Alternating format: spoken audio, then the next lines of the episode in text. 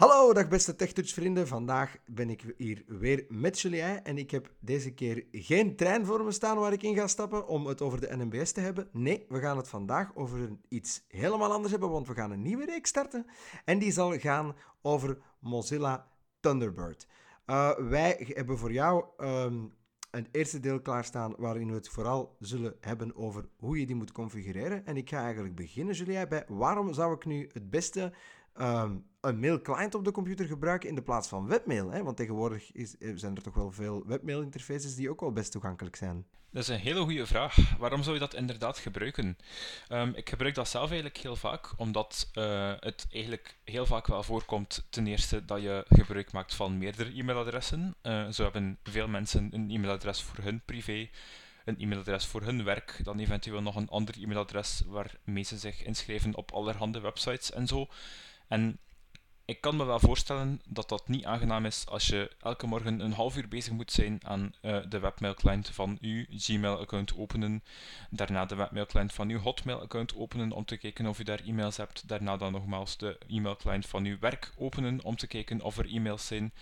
Um, het voordeel van een mail-client is op de computer dat je dat programma gewoon open doet Um, dat programma checkt gewoon automatisch al die mailboxen die daarin zitten op uh, nieuwe e-mail. En je weet dus direct of dat je al dan niet nieuwe e-mail binnengekregen hebt en ook waar dat die uh, nieuwe e-mail toegekomen zijn. Uh, dat is alvast een heel groot voordeel. En een heel groot voordeel vind ik ook de toegankelijkheid. Um, het probleem met webclients is dat die um, heel vaak onderhevig zijn aan veranderingen, die heel vaak een visuele verbetering met zich meebrengen maar die niet altijd een uh, verbetering op vlak van toegankelijkheid met zich meebrengen. En dat zijn van die zaken dat je dus niet kunt tegenhouden. Wie beslist er of dat een uh, webmail client geüpdate wordt of niet? Dat zijn de administrators ervan. Terwijl een uh, mailclient, daar heb je volledig zelf de controle over wanneer dat die geüpdate wordt. En uh, het is dus perfect mogelijk om eens je een toegankelijke versie hebt, om daar toch een eentje uh, bij te blijven en pas de update te doen wanneer je zeker bent dat de nieuwe versie ook op vlak van toegankelijkheid um, gelijk zal blijven of misschien zelfs een verbetering meebrengt. En um, Vaak heeft een mailclient ook nog een heel aantal andere voordelen die je um, ook wel zult merken wanneer dat je er een langere tijd mee werkt. Uh, voor mij is dit in ieder geval heel erg duidelijk. Um, ik had dan nog gewoon persoonlijk de vraag van waarom kies je voor Mozilla Thunderbird? Hè? Want er zijn toch wel een aantal uh, mailclients op de markt. Um, ik heb ook besloten om, om, om het allemaal een beetje op mij af te laten komen. Dus ik heb de e-mail client gewoon op mijn computer geïnstalleerd en ik ga het gewoon kerstvers met jou overlopen. Dus ik heb ook geen idee hoe moeilijk of hoe makkelijk het is om het allemaal op mijn computer te krijgen en te configureren. Maar ja, ik, ik vroeg mij toch gewoon af, want zoals ik het al zei, er zijn een aantal mailclients op de markt. Ik heb eigenlijk vooral voor Thunderbird gekozen om de volgende twee belangrijke redenen. Dat is, uh, Windows biedt standaard al een, een mailclient aan, die heet gewoon Windows Mail. En vanaf Windows 10 is dat eigenlijk niet meer echt een bureaublad toepassing geworden, maar is dat een soort van um, app, zoals men die heet, uh, geworden. En ik vind toch persoonlijk dat het design van die apps toch altijd iets slordiger oogt en iets minder overzichtelijk is dan een bureaublad toepassing. Um, en de tweede grote reden is ook dat, um, wat dat ook heel vaak gebruikt wordt als, uh, als mailclient, is Microsoft Outlook. Maar uh, daarvoor is minimum een Office 365 account vereist. Dus dat is eigenlijk in ja. wezen geen, geen gratis software. Terwijl Mozilla Thunderbird is eigenlijk een pakket dat je gewoon gratis van het internet kunt downloaden. Dus dat is wel een voordeel. En ik, ik gebruik het zelf toch al een, een, een, tiental jaar. En ik ben er eigenlijk heel tevreden over, omdat ik het echt wel heel overzichtelijk vind. Um, en dat er ook wel echt een heel aantal sneltoetsen zijn dat je kunt gebruiken. Oké. En je zegt, je vindt het overzichtelijk. Heb je het dan vooral over het gebruik met screenreaders? Of, of wat bedoel je met overzichtelijk juist? Gewoon in het algemeen dat, dat er... want tegenwoordig heb je bijvoorbeeld heel veel lintmenu's overal. Is dat in Mozilla Thunderbird ook zo? Dat is eigenlijk juist het extra overzichtelijke. men heeft niet met een lint gewerkt. Je hebt echt nog de ouderwetse menubalk. Um, al uw mailaccounts staan ook in een heel overzichtelijke boomstructuur, waarin dat je, zoals je eigenlijk in de, in de Windows-verkenner, gewoon mapjes kunt uh, openklikken en terug sluiten en met de pijltoetsen naar de volgende vorige map gaan. Uh, men heeft ook een contextmenu met heel veel opties erin. Um, en zoals ik al gezegd heb, elke optie dat je eigenlijk heel vaak gebruikt, um, heeft ook een sneltoets toegewezen. En ook de schermen uh, om bijvoorbeeld uw instellingen aan te passen zijn eigenlijk heel uh, overzichtelijk en toegankelijk. Dus ik vind het uh, met een screenreader wel echt heel aangenaam om te gebruiken. En ja, ik zeg het, ik gebruik het al tien jaar. En uh, ik ben er toch wel echt heel tevreden van. Nog een, een laatste vraagje voordat we in het, uh, in het installatieproces uh, vliegen. Of vooral eigenlijk het configuratieproces. Heb je de, de, de, screen, de screenreaders allebei getest op Thunderbird? En ben je, ben je zowel met NVDA als, als JAWS eigenlijk content ervan? Ja, ja, ja. ik gebruik um, Thunderbird op, uh, op zowel een, een computer met JAWS als een computer met NVDA. En uh, met een kleine aanpassing in JAWS vind ik het uh, heel toegankelijk in beide screenreaders. In JAWS is het heel belangrijk dat je de modus op gestructureerde modus zet en niet op regelmodus, omdat anders niet alles zomaar in braille verschijnt. Het is vooral belangrijk als je dus een braille leesregel gebruikt. Ik heb het uh, al geïnstalleerd. Uh, het staat al keurig op mijn bureaublad. Ik ga het gewoon eens opengooien en dan eens kijken wat er gebeurt. Mozilla Thunderbird 11 van 29. Startpagina Mozilla een bestaande e-mailaccount instellen. Uw naam, invoerveld, voornaam, achternaam, leeg. Het is de eerste keer dat je het programma opent doet, Usery. En dan ja. uh, gaat hij automatisch zien dat er dus nog geen mailadressen in dat programma zitten. En gaat hij direct al zeggen van, hm, Misschien uh, doe je dit programma wel open om daar alvast een eerste mailaccount in te stoppen. Dus ik ga automatisch het uh, venster om een mailaccount toe te voegen uh, laten zien. Ja, ik zie hier ook dat er een voornaam en achternaam bij staat. Dat wil dus zeggen dat ik geen ander veldje ga krijgen voor mijn achternaam. Ik moet hier alle credentials van mijn, van mijn, van mijn naam die ik erin wil, um, moet ik erin zetten. Dus ik ga gewoon mijn, mijn, mijn naam even typen. Y-O-S-S-R-I spatie M-E-O-U-B-I. Die voornaam en achternaam dat, dat hij heeft is eigenlijk ook maar een, een kleine hint. Uh, je kan daar echt uh, alles dat je wil uh, schrijven. Stel dat je mails wil sturen die anoniem zijn en je wil daar hallo, dit is Frida Kroket inschrijven, dan is dat ook allemaal perfect mogelijk. Ja, ik heb het nu wel officieel mijn, mijn voor- en achternaam gegeven, omdat ik wel mijn primaire e-mailadres ga instellen hier op deze client. wat gebeurt er dan als ik even op tab druk? E-mailadres, invoerveld, e-mail.example.com, leeg. Ik ga nu gewoon uh, mijn Gmail gebruiken. Is het moeilijk om een Gmail-adres uh, te configureren? Uh, tegenwoordig niet meer. Dus wat er eigenlijk heel vaak gebeurt, is als je um, e-mailadressen moet configureren, of toch vroeger, dan moest je um, de uh, servers van je IMAP-server, van je SMTP-server ingeven samen met de poorten en hoe dat je naar die server wilde connecteren. Eventueel nog een gebruikersnaam, een wachtwoord.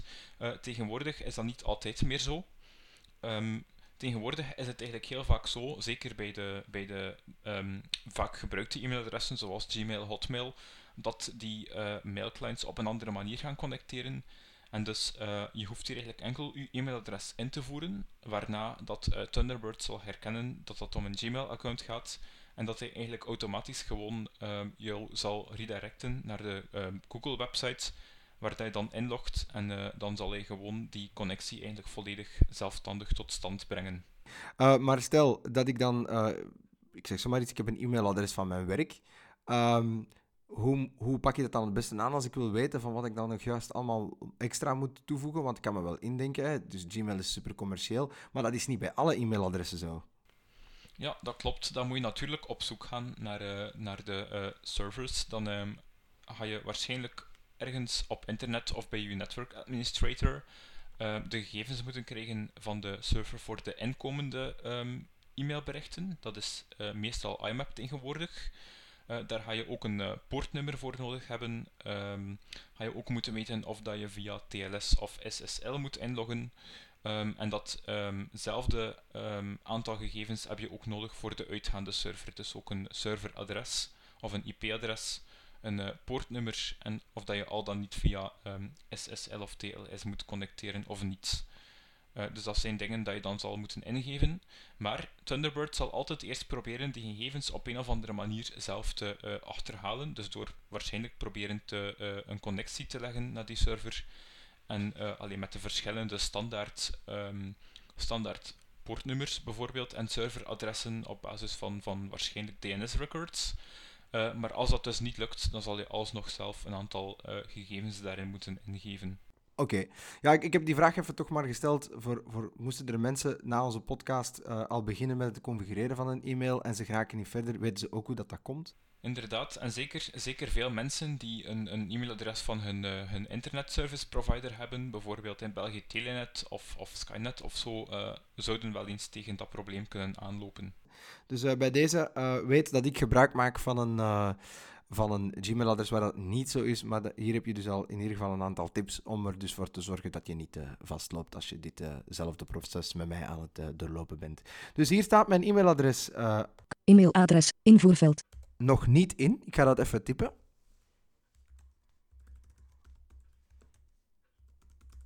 Wachtwoord, invoerveld beveiligd. En dan mag ik direct al het uh, wachtwoord intikken. Ster, ster, ster, ster, ster, ster, ster, ster, ster. Wachtwoord onthouden selectievakje ingeschakeld, alt plus O. En dan vraagt hij ook direct of dat hij mijn wachtwoord moet onthouden. Je laat dat ook best ingeschakeld, um, omdat dat ervoor zorgt, als je dan inderdaad je mailclient opent, dat hij automatisch op nieuwe uh, e-mailberichten um, zal gaan controleren en dat hij niet eerst telkens uw uh, wachtwoord moet vragen. Um, Thunderbird heeft een ingebouwde password manager die eigenlijk al die wachtwoorden uh, bijhoudt. En het is zelfs mogelijk om eigenlijk een algemeen wachtwoord in te stellen voor die password manager en eigenlijk um, bij gevolg dan ook voor Thunderbird in het algemeen dat je dus moet invoeren als je Thunderbird opstart, om dus die wachtwoorden te unlocken. Alright, uh, ik heb het wachtwoord ingegeven, Julien. Uh, ik ga dat ook uh, bewaard laten staan. en dan ben ik wel benieuwd wat ik daarna krijg. IMAP, externe mappen, keuzerondje ingeschakeld, één van twee. Nu gaat hij eigenlijk vragen wat dat hij effectief moet synchroniseren. Dus hij zegt daar IMAP, inderdaad, uw externe mappen. En dat is dus hetgeen dat we nodig hebben om mails te kunnen ontvangen en verzenden. Daarnaast krijg ik er ook nog een knopje. Handmatige configuratie, knop Alt plus H. Handmatige configuratie, maar dat is dus voor wat we al eerder hadden besproken, wat jullie eigenlijk al keurig heeft uitgelegd. Um, dus met je, met je Skynet of met je Telenet-adres moet je dan maar eens gaan kijken welke gegevens je daar uh, juist moet gaan invoeren als je dan op deze knop hebt gedrukt. Maar dat gaan we dus niet doen. Gereed knop Alt plus G. Ik druk op gereed. Spatie. Voor referenties in voor user inloggen Google Accounts document. E-mailadres of telefoonnummer invoerveld heeft. Voilà, en hij, um, brengt u dus automatisch naar de omgeving van Google, waar dat je dus moet inloggen om eigenlijk te verifiëren bij Google dat jij het effectief bent die dat e-mailadres dus in je mailclient wil uh, stoppen. E-mailadres of telefoonnummer invoerveld heeft. Ja, dus uh, dan kom je inderdaad, zoals Julien zegt, op, op uh, een pagina van Google terecht. En jouw e-mailadres staat daar al keurig ingevuld. Dus dat moet je niet meer doen. Knop volgende. En dan kan je wel direct gewoon op een knop volgende drukken. Dus ik vermoed wel dat ik mijn paswoord hier nog eens uh, veiligheidshalve opnieuw zal moeten invullen. Google Accounts document bezig. Geef je wachtwoord op invoerveld beveiligd. Leeg. En dan heb ik hier um, het veldje dus waar ik aan moet doen. Nu, ik moet wel zeggen, um, tegenwoordig is er heel veel de two-step verification geactiveerd bij verschillende accounts. Ik heb dat bijvoorbeeld ook gedaan als, als een extra veiligheid. Dus ik denk dat van zodra dat ik mijn wachtwoord heb ingevuld, dat hij dan ook gaat vragen om uh, dus um, die, die procedure nog eens te doen. Dus het kan wel even zijn dat ik die dan moet doen. Ster, ster, ster, ster, ster, ster, ster, ster. Knop inloggen. Google Accounts document bezig. Geef de code van zes cijfers op invoerveld. Le uh, ik ben even uit dat veld gegaan om toch even je rustig te laten horen wat er dan allemaal staat. Google. Dus uh, de pagina begint met Google. Kopniveau 1 authenticatie in twee stappen. Kopniveau 2 deze extra stap toont aan dat jij het bent die probeert in te loggen. Heb je de code nog niet ontvangen knopcode opnieuw verzenden. Geef een verificatiecode op. Er is zojuist een sms met een verificatiecode verzonden naar 4 opsommingsteken, opsommingsteken, opsommingsteken, ja, dus, opsommingsteken, opsommingsteken Ik heb die dan uh, ook ontvangen. Dus mijn gsm heeft al een, het geluidje gemaakt van, ja, je sms'je is er. Hoofdletter G. Geef de code van zes cijfers op invoerveld. En dan activeer ik weer mijn focus en dan ga ik die even ingeven. Hè. Knop gereed. Dan volstaat het eigenlijk gewoon op de knop uh, gereed te drukken. Ik ga dat nu even doen. Omleiden bezig. https accounts.google.be slash account slash Verzoek om toestemming bezig. Google. Kopniveau 1 Mozilla Thunderbird e-mail wil toegang krijgen tot je Google-account. usery.medubi.gmail.com Hiermee kan Mozilla Thunderbird e-mail het volgende doen. Al je e-mail in Gmail lezen, opstellen, verzenden en definitief verwijderen. Ja, dus dan zie je eigenlijk, ik ga dat niet helemaal laten aflopen, maar dan zie je dus eigenlijk dat Google ook nog eens extra met die twee-step verificatie om, jou, um, om jouw toestemming vraagt. Dus ik ga die nu even geven. Dat heeft eigenlijk niet helemaal met die twee-step eh, verificatie te maken. Dat heeft eigenlijk vooral te maken met het feit dat, dat je nu eigenlijk een externe app of een extern programma, in dit geval Mozilla Thunderbird, eigenlijk toestemming geeft om eh, bij Google eh, persoonlijke zaken op te vragen, zoals uw naam, uw e-mailberichten en zo. En Google zegt eigenlijk van oei, je zit hier in een externe app en die heeft toch wel wat gegevens van jou nodig, ben je daar wel mee akkoord? Interessant, oké. Dan ga ik eens even... In overeenstemming met de betreffende link Ja. privacybeleid dus krijg je nog een op tekst. tekst. Ik ga gewoon een knopje zoeken waar ik dat dan mee kan doen. elk gewend knop toestaan. En ik zie hier al direct eh, na een paar regels de knop toestaan.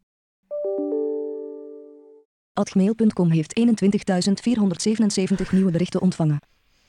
Oké, bij deze weten we dus ook dat uw mail werkt. En ik krijg dan nog een extra scherm eigenlijk van eh, Thunderbird. En dan gaat hij mij vragen: Thunderbird als standaard client gebruiken voor. Ehm, Selectievakje niet beschikbaar ingeschakeld e-mail. ja, e-mail, dat, daar kan ik niet van kiezen of dat hij dat, eh, dat, hij dat goed vindt of niet. Selectievakje ingeschakeld nieuwsgroepen. Eh, dat stond standaard eh, uit, maar ik heb dat ondertussen wel al aangevinkt, omdat ik dat wel best belangrijk eh, vind. Selectievakje niet beschikbaar ingeschakeld feeds.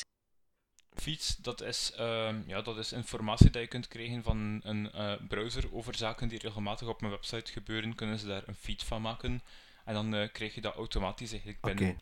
Je kunt dat bijvoorbeeld eh, gebruiken, eh, of je kunt je daarop abonneren voor bijvoorbeeld een podcast die ehm, aan de hand van een RSS-feed ehm, uitgegeven wordt, waarbij dat je dan een soort van melding krijgt telkens als er een nieuwe ehm, episode van een podcast eh, beschikbaar is. Dat is interessant. Ik ga er nu wel even eh, dieper op ingaan, want wij gaan gewoon de klassieke e-mail ehm, configureren. Selectievakje ingeschakeld Alt plus D deze controle altijd uitvoeren bij het starten van Thunderbird.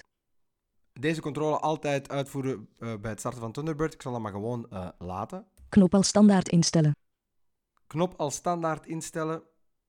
En dat is de laatste knop volgens mij inderdaad die dat er zal staan. Dus ik ga daar even op eh, rammen. Postvak in Mozilla Thunderbird. Voilà, en hij brengt u hier onmiddellijk al naar uw eh, postvak in van uw eh, e-mailaccount, ehm, waarin dat dus ehm, al uw mails dat je ooit ontvangen hebt, ehm, dat die eigenlijk eh, binnengekomen zijn. Oké, dus eigenlijk hebben we wel succesvol gewoon de e-mail geconfigureerd. Hè? Dus alles staat klaar om de client te gebruiken. Ik denk dat dat ook eh, een mooi eerste deel is, want we hebben wel best eh, het uitgebreid gehad over de client zelf en dan kort even de e-mail geïnstalleerd. Ehm, maar in het tweede deel zullen we vooral eh, gaan overlopen hoe dat die client eruit ziet, hè, en, en hoe dat je die het eh, beste eh, gebruikt. Ik denk dat we dan bijvoorbeeld al eens kunnen starten met ik die een e-mailtje stuurt naar jou. Ja, dat klopt, en dan zal ik dat beantwoorden met een e-mailtje. Want eh, zo'n mailtje sturen naar elkaar, dat is wel tof in de coronatijden van eenzaamheid en eh, lockdown. Ja, zo. Dat is bij- het is bijna alsof je een briefje in de briefbus krijgt. Ziezo, mensen. ehm, ik bedank u hartelijk om weer te luisteren naar deze podcast. En als er nog vragen zijn, reageer in de reacties. Laat het ons weten. En als we kunnen, dan gaan we met heel veel plezier eh, u bijtreden waar we kunnen. Ziezo, dag Julien. Dag Jusri, tot de volgende keer. Yo, bye bye.